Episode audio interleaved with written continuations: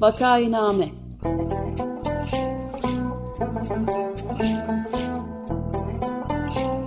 Salgın günlerinde memleket manzaraları Hazırlayan ve sunanlar Güven Güzeldere, Ömer Matra ve Özlem Tekin.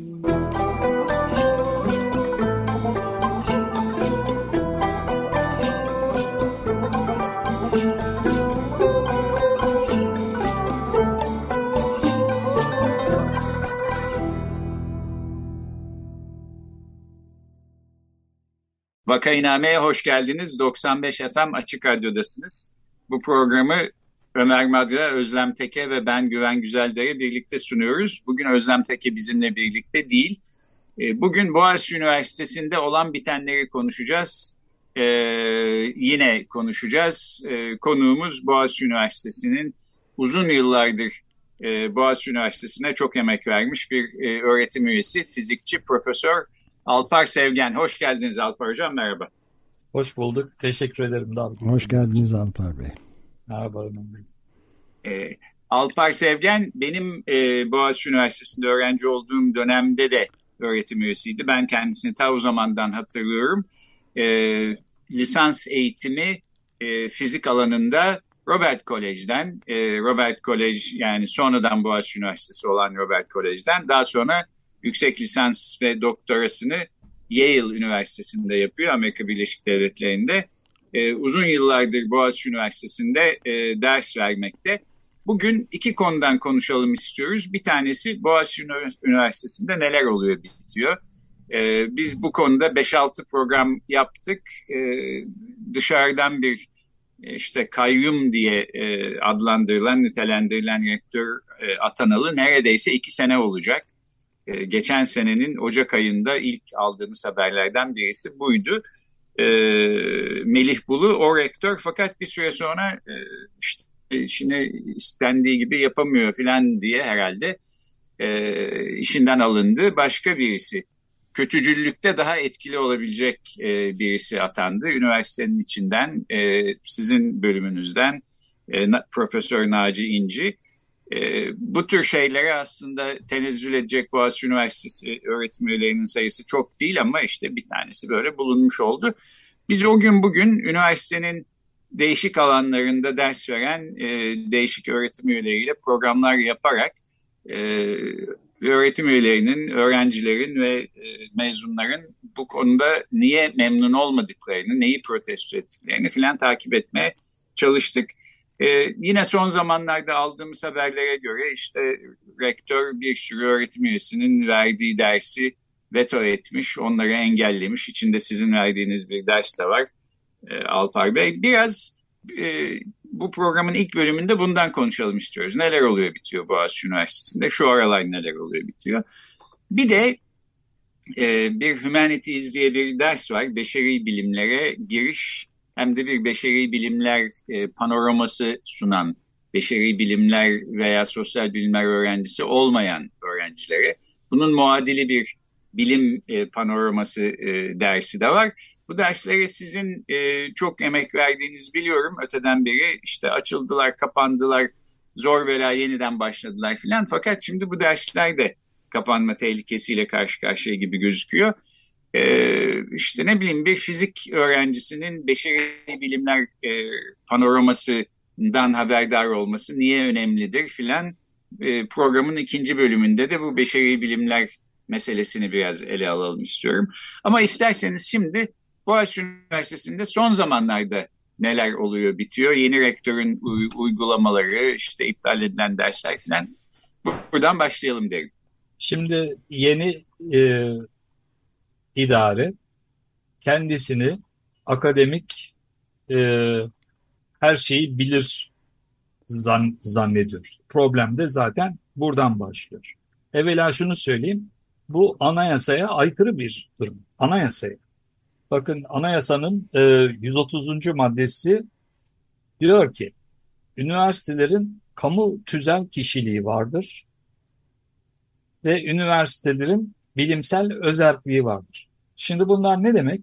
Kamu tüzel kişiliği demek, kamu yararına olması demek. Yani üniversitenin yaptığı adımın e, kamu yararına olması e, lazım. Rektörlük yaptığı işlerin bir siyasi partinin yararına değil, kamunun genel yararına olduğunu na hesap vermesi lazım. İkincisi de özellik diyor ki anayasa üniversitenin bilimsel özelliği vardır. Üniversitenin bilimsel özelliği rektörün e, know her şeyden e, e, anlar e, de, olma, olması demek değil. Böyle bir şey yok. Rektörler ve dekanlar idari memurlardır. E, akademik yetki akademik e, bölümlerdedir. Yani bir e, tarih bölümünün, bir felsefe bölümünün e, yetkinliğini herhangi bir bölümden birisini dekan veya rektör yaptığınız zaman onların üstünde bir yetkinlik kazanmıyor bunlar. İdari memur olarak bunlar ne yapabilir? Mesela diyelim ki e, fizik bölümünden işte mesela benim iptal edilen dersim kozmoloji Alpar Sevgen verecektir demiş fizik bölümü. Fakülte Yönetim Kurulu da bunu e, kabul etmiş. Fakülte Yönetim Kurulu ki başkanı dekandır. Neye bakması lazım? Fizik bölümünden bu yazı geldiği zaman. Şuna bakması lazım. Fizik bu ders verilmeli mi, verilmemeli mi, bunu Ali mi versin, Veli mi versin değil. Şuna bakacak. Bu dersin açılmasının prosedürü, usulü doğru tatbik edilmiş midir? Bu bölüm kurulunda mı alınmıştır? Yoksa bölüm başkanı akşamdan aklına böyle bir şey gelmiş, böyle bir yazı mı yazmış? Bölüm kurulunun alması demek bir tutanağını, bu kararı alması demek bir tutanağının olması demek. Tutanakta muhalefet şerhi var mı? Buna itirazlar var mı? Ee, bu itirazların varsa şayet bu itirazların bir geçer noktası var mı? O zaman dekan çağırır bölüm başkanını ya itiraz var ne oluyor falan der. Zaten bu tür kontrolün olması yine de bir insanlar grubu olan bölüm kurullarında her insanı sorumlu davranmaya davet eden bir durum. Çünkü bir kontrol var tepenizde. Bu çok güzel bir şey. E rektör neye bakıyor? Benim fakültem doğru çalışıyor mu? Benim dekanım bu, bu idari kontrolleri yapıyor mu? Yoksa ne rektörde ne dekanda kim hangi dersi versin yetkisi yok. E şimdi bakıyorsunuz rektörlüğe bölüme sormadan kadro açıyor. Bölüme sormadan ilan veriyor. Bölüme sormadan adam alıyor. Bu ne? O zaman bölümü kapat. E, sen her şeyi biliyorsun. Her şeyi yapıyorsun. Anlatabiliyor muyum? Ee, bu dışarıda tabii mümkün değil. Bir başka şey üniversitedeki anlayış meselesi. Bakın e, Chicago Üniversitesi'nde 2017 yılında 90. Nobel, Nobel kazanıldı. Rektörüne soruyorlar. Ya nedir sizin sırrınız? Bu, bu kadar Nobel nasıl oldu? Chicago bunları aldı. Rektör de diyor ki burada diyor akademik yenlerde üç şey olacak. Bir, bir fikri olacak. Fikirsiz akademisyen olmaz. İki, bu fikrini savunacak sözlü, seminerde veya yazılı. E, savunmak demek, eleştiriyi açmak demek. Seminer veriyorsunuz. Her türlü soru gele, gelebilir. Yazıyorsunuz. Her türlü karşı yazı gelebilir. Yani fikrinizi savunacak dirayette olacaksınız. Bu ne demek? Fikrin bir sağlamlığının olması lazım. Yoksa salla gitsin tarzında fikir olmaz. Üçüncüsü bu fikir özellikle sosyal bilimciler için. Üçüncüsü bu fikirden işte bölüm başkanı, dekan, rektör, vali, efendim siyasi parti lideri gocunur diye korkmayacaksınız. Yani fikrinizi rahatça söyleyebileceksiniz. O adam incinir, o adam kızar. Bunlar, bunlar şey yok. Doğru bildiğiniz fikri savunacaksınız. Şimdi bu üniversite heyeti üniversitenin kahir ekseriyetinin yani yüzde 95'inin eleştirisini e, kabul etmiyor. Yani ve onlara doğru dürüst cevap da veremiyor. Yani kanuni yetki benim. Siz ne düşünürseniz düşünün. Ben bildiğimi okurum. Şimdi bu üniversite yani ne bütün akademik birimlerinden daha üstün her şeyi bilen bir akademik e, deha veya bilmem e, gökten şeysiniz. E, ne de böyle e, cartçurt yetkiniz var. E, bunlar sizin meslektaşlarınız. Birçoğu birçoğu sizin e, hani o şekilde bakılıyorsa alt üst o şekilde bakmamak lazım ama kendileri öyle bakıyorsa birçoğu bunların üstüydü. Anla, anlatabiliyor muyum? Yani evet. bazıları rektör ve dekanken e, sen e, bir öğretim üyesiydin. Yani bunlar geçici apoletler. İdarecilik akademik e, camiaya hizmet için yapılır. Onların düşüncelerini hayata geçirmek için yapılır. İdareciler de şu kısıt e, yani şu kısıtları getirebilir. Kardeşim senin istediğin şey laboratuvar ama e, işte 100 milyon lira değil biz ancak 20 milyon lira bulabiliriz. Veya sana 100 kişi değil 15 kişi verebiliriz. Veya sana bir dönümlük laboratuvar değil yarım dönümlük laboratuvar verebiliriz. Bu kısıtları optimize etmek ve birimler arasında e, adil dağıtmak için var. E, yoksa şu dersi kapatırım, bu dersi açarım. E, bizim partiye yakın, bizim düşüncemize yakın şu vardır, bu vardır, bunu alırım. Bunlar olacak şeyler değil. Dolayısıyla şu andaki Boğaziçi yönetimi üniversite yönetiminden başka her her şeye benziyor. Ve üniversitede buna direniyor haklı olarak. Evet yani siz bunlar ol, olacak şeyler değil dediğiniz şeyler aslında olmakta diye anlıyorum değil evet. mi bu evet. E, evet. yeni rektörlüğün altında? Bir yandan aslında hani bu tek kişi rejimi diyoruz filan bütün ülke böyle yönetilmeye çalışılıyor. Bunun bir yansıması gibi gözüküyor bana doğrusu Boğaziçi Üniversitesi'nde olan bitenler. Aynen öyle. Geçen gün e, televizyonda bir e, program vardı eski AKP milletvekili Turan Çömez dedi ki bu bir kişi yönetimi Türkiye'ye bir başka yapı getirdi dedi. E, her yerde bir adamcıklar türedi. Yani e, çok haklısınız. İşte tek kişi yönetimi, tek kişicik yönetimleri daha ufak ölçekte yarat, yaratıyor.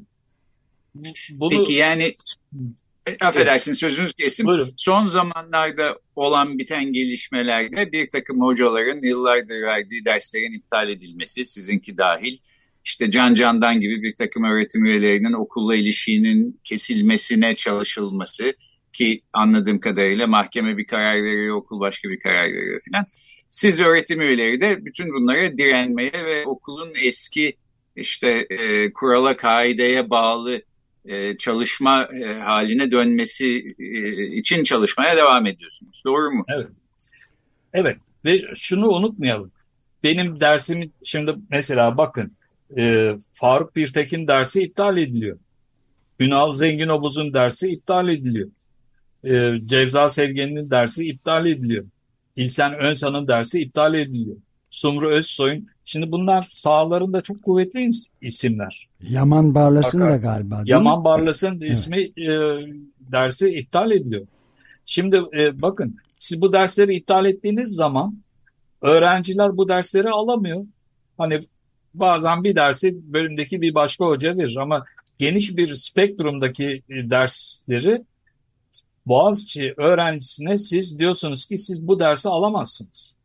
Yani şimdi bunu siz e, yani Amerika'da bunun mümkün olabileceğini düşünüyor musunuz? Herkes mahkemeye ko- koşar yani 24 saat yaşamaz oradaki e, idareci. Bunlar, evet. e, tekrar anayasaya dön- döneyim. Kamu yararını olması lazım. Şimdi söyler misiniz bana? Kamu nasıl bir kamu yararıdır ki öğrencilere Türkiye Cumhuriyeti de Boğaziçi'ni kazanmış çok değerli öğrencilere bu dersleri kapatacak. Bunun neresi kamu yararı? Ha, değilse o zaman anayasayı çiğ, çiğniyorsunuz. Yani bu bunlar ufak e, şeyler değil. E, tam ne kelime vereceğimi bilemiyorum. Arkadaşlarım akademik suç diyorlar. Bana bana sorarsanız daha da büyük bir suç, suç bu. Ama hukukçular bulsun bunun e, terminolojisini. Boğaziçi'ne gelen e, Türkiye'nin göz bebeği öğrencilere siz tanınmış hocaların derslerini alamazsınız dediğiniz zaman bu ne oluyor? Bu nasıl bir kamu yararı? Yani koskocaman bir kamu zararı ortada. Peki kamu zararı veren bir adam nasıl e, eğitimin başında durabilir bir üniversitede? Ancak siyasi destekle yani bu bunun şeysi yok. E, ayrıca yüzde 95 güvensizlik oyu. Bu, bu ne demek? Yani üniversite üniversite yapan hocalar. Bu hocalardan yüzde 95 güvensizlik oyu almışsınız. O iskemleye oturmamak lazımdı o oydan sonra. O güvensizlik oyundan sonra. Ve e, atanmasa çok daha iyi olurdu. Yani atanması bir e, Sayın Cumhurbaşkanı Boğaziçi'ni üzdü. Yani kendisine 17 tane Boğaziçi'nin kabul edeceği isim sıralama da yapılmadan e, verildi. E, bir tanesini tercih edebilirdi. Evet. Evet yani bu bahsettiğiniz isimler işte Faruk Birtek, Ünal Zenginobuz, Yaman Barlas, Cevza Sevgen bunlar yalnız alanlarında kuvvetli isimler değil. Üniversite medarı iftarı isimler aslında. Evet. Yani evet. onlar olmadan Boğaziçi Üniversitesi gibi bir yer olamaz. Öyle isimler. Evet. Ve bunları aslında hani Naci İnce olmasa ben kendi fikrimi söyleyeyim kusura bakmayın. E, Boğaziçi Üniversitesi yine Boğaziçi Üniversitesi olur. Çok bir şey kaybetmez. Ama bu diğer o engellemeye çalıştığı isimler olmazsa Boğaziçi Üniversitesi Boğaziçi Üniversitelikten çıkar.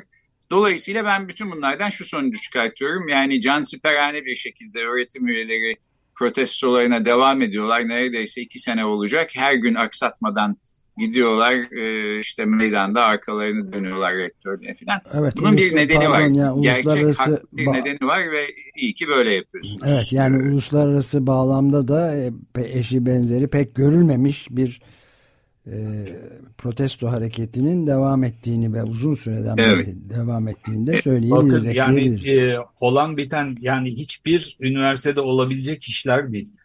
Bir e, matematiksel e, Bilimler Araştırma Merkezi var. Bu kapatılıyor. Şimdi bu evet. Balkanlardan Orta Doğu'ya uluslararası şöhreti kazanmış e, Türk matematik dünyasını e, dünya matematiğiyle birleştiren e, bir merkez. Bunu adam arkadaşlar gidiyorlar kapının kilidi değil. Stile de bakar mısınız Allah aşkına? yani giden adamın iyi, iyi ki kafasına bir tane şey vurmamışlar. E, yani stile bakar mısınız? Bu, bu kapanıyor. Şimdi haber alıyoruz. Daha iki gün oldu. Ee, Bizans Araştırma Merkezi e, işte güzelce bir yeri vardı. Güzelce bir yeri dediğim birkaç odası vardı. Buradan alınıyor. İşte e, küçücük bir yere sıkıştırılıyor. İşlemesi gayet zor olan bir yere. Şimdi Türkiye'de bir tuhaf şey var. Sanki biz Bizans'la harp halindeymişiz gibi. Biz Bizans'ı neredeyse miras aldık. Ee, Fatih İstanbul aldığı zaman birçok Bizans kuralı Osmanlı'nın kuralı olarak devam etti. Ee, yani Türk müziği dediğiniz şeyle Bizans müziği dediğiniz şey arasında çok bir fark yok. Lütfen insanlar dinlesin. Tabii ki büyük bir geçişkenlik var. Tabii ki yani Bizans bizim düşmanımız değil. O, o bitti o 1453'te bitti o işler. Yani biz onların e, topraklarında oturuyorsak şayet e, onların kültürüyle de yüz yüzeyiz. Şimdi Bizans merkezinde bilmem e, 500-600 sene sonra kurulmuş e, oradan oraya atıyorsunuz. Bu nasıl bir e, şey? Şunu da söylemek istiyorum.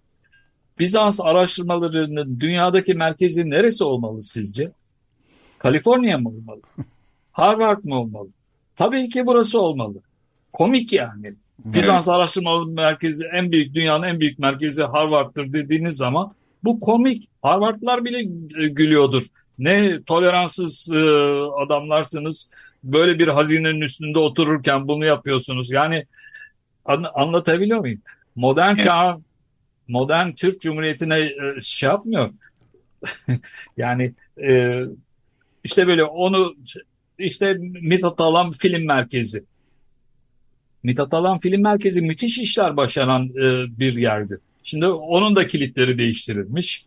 Onun da yani anlatabiliyor muyum? Bunun üniversite yani üniversiteyi fethediyorum mu diyecekler. Üniversitenin üstünde çöküyorum mu diyecekler. Ne, ne hangi kelimeyi kullanacaklar bilmiyorum. Evet, Ama Bey, bizim dediğimiz şey şu bu iş üniversite işi değil. Ne derseniz değil. Yani üniversite dışı bir iş. Üniversitede buna direniyor açıkçası. Evet 5 evet. dakikamız kalmışken bir de e, Güven Bey'in e, sözünü ettiği önemli bir e, konu yani bu humanities diye adlandırılan beşeri bilimler dersi ağırlıklı olarak. O konuda da e, 3-4 e, dakikada bir özetleme yaparsanız çok memnun oluruz. Yani Menekşe Tokya'nın gazete duvardaki güzel bir yazısı vardı sizden de bahsediyordu zaten 2016'da Humanities dersi çerçevesinde evrenin evrimi konulu bir konferans da vermiş olan ve bu yılsa e, üniversitede ders vermesine rektörlüğün izin vermediği Profesör Alpar Sevgen'in ifadeleriyle diyor.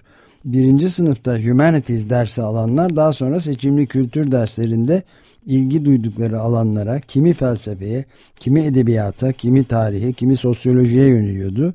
Yani Humanities bir çınarın gövdesi gibi dallar diğer kültür dersleri demiştiniz çok etkileyici bir şey ve yani işte 2016 programında Gılgamış ve Mezopotamya, Mısır, Anadolu efsaneleri, bilginin ve felsefenin doğuşu, Yunan felsefesi, Macbeth'ten, Sofokles'ten Antigone okuması çerçevesinde tragedyanın kökenlerine, karşılaştırmalı dinler tarihine, Rönesans'ta hümanizma, aşk ve şiire kadar çok geniş bir yelpazede insana insanda yeniden üniversite sıralarına geri dönme arzusu yaratan bir yelpaze karşıma çıkıyor demişti. Bunun ne kadar önemli bir şey olduğunu da bu yazıyla bir kez daha hatırlamış olduk. Ne diyorsunuz bu konuda? Vallahi Humanities dersini e, ben e, Boğaziçi'nin e, e, marka dersi olarak görüyorum. Bütün öğrencilerimizin buradan geçmesi lazım.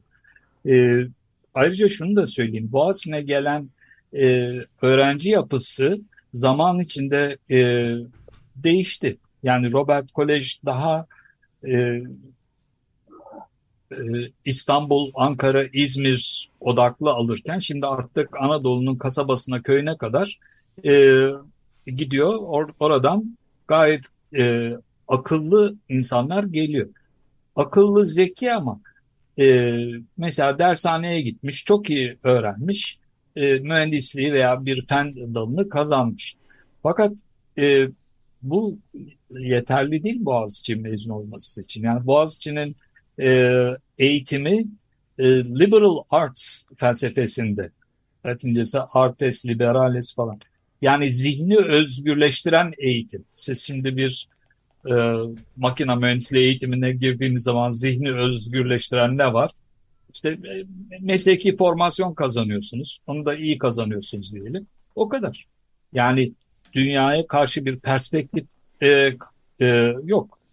E, dolayısıyla bu e, son derece önemli. Sadece humanities değil ve deva, devamı bunlar öğrencinin e, seçimine bağlı olarak e, bütün bu yapı önemli.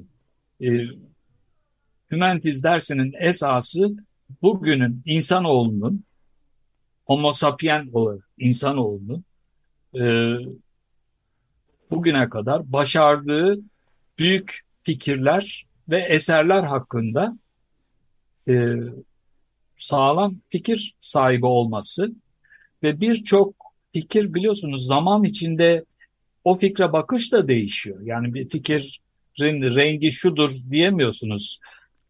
O fikri 200 sene sonra incelediğinizde başka türlü e, bakabiliyorsunuz. E, öğrencide bu bunun bir e, akım olduğunu, bunların değişebildiğini, insanların sosyal olarak etkileştikçe, geliştikçe e, her zaman da iyi yönde olmuyor. Fakat e, bunlar hakkında bir fikri olması, yani bir ideolojinin esiri olmaması. Şimdi burada bu dersin en önemli öğelerinden bir tanesi tartışma şubeleri. Tartışma şubelerinde e, hoca bir konu veriyor ve o konu üzerine tartışıyorsunuz. Ve bu tartışma konuları e, genelde cevabı çok belli ak kara şeklinde değil, gri alanda.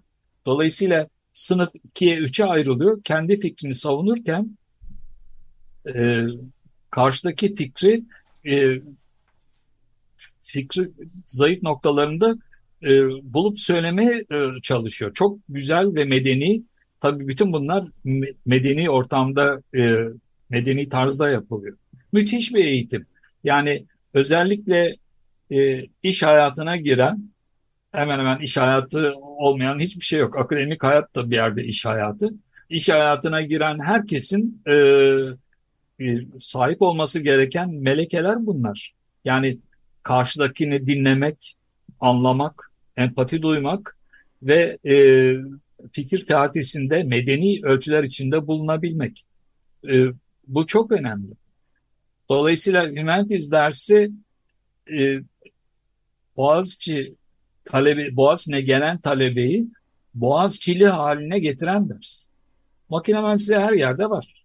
Yani mühendislik mektebinin olduğu her yerde makine mühendisliği işte ne bileyim alevi tutarsam ısınır. Böyle teknik şeyleri öğreniyorsunuz. Yani üniversiteyi bir beceri kursu olmaktan çıkartan ders Humanities.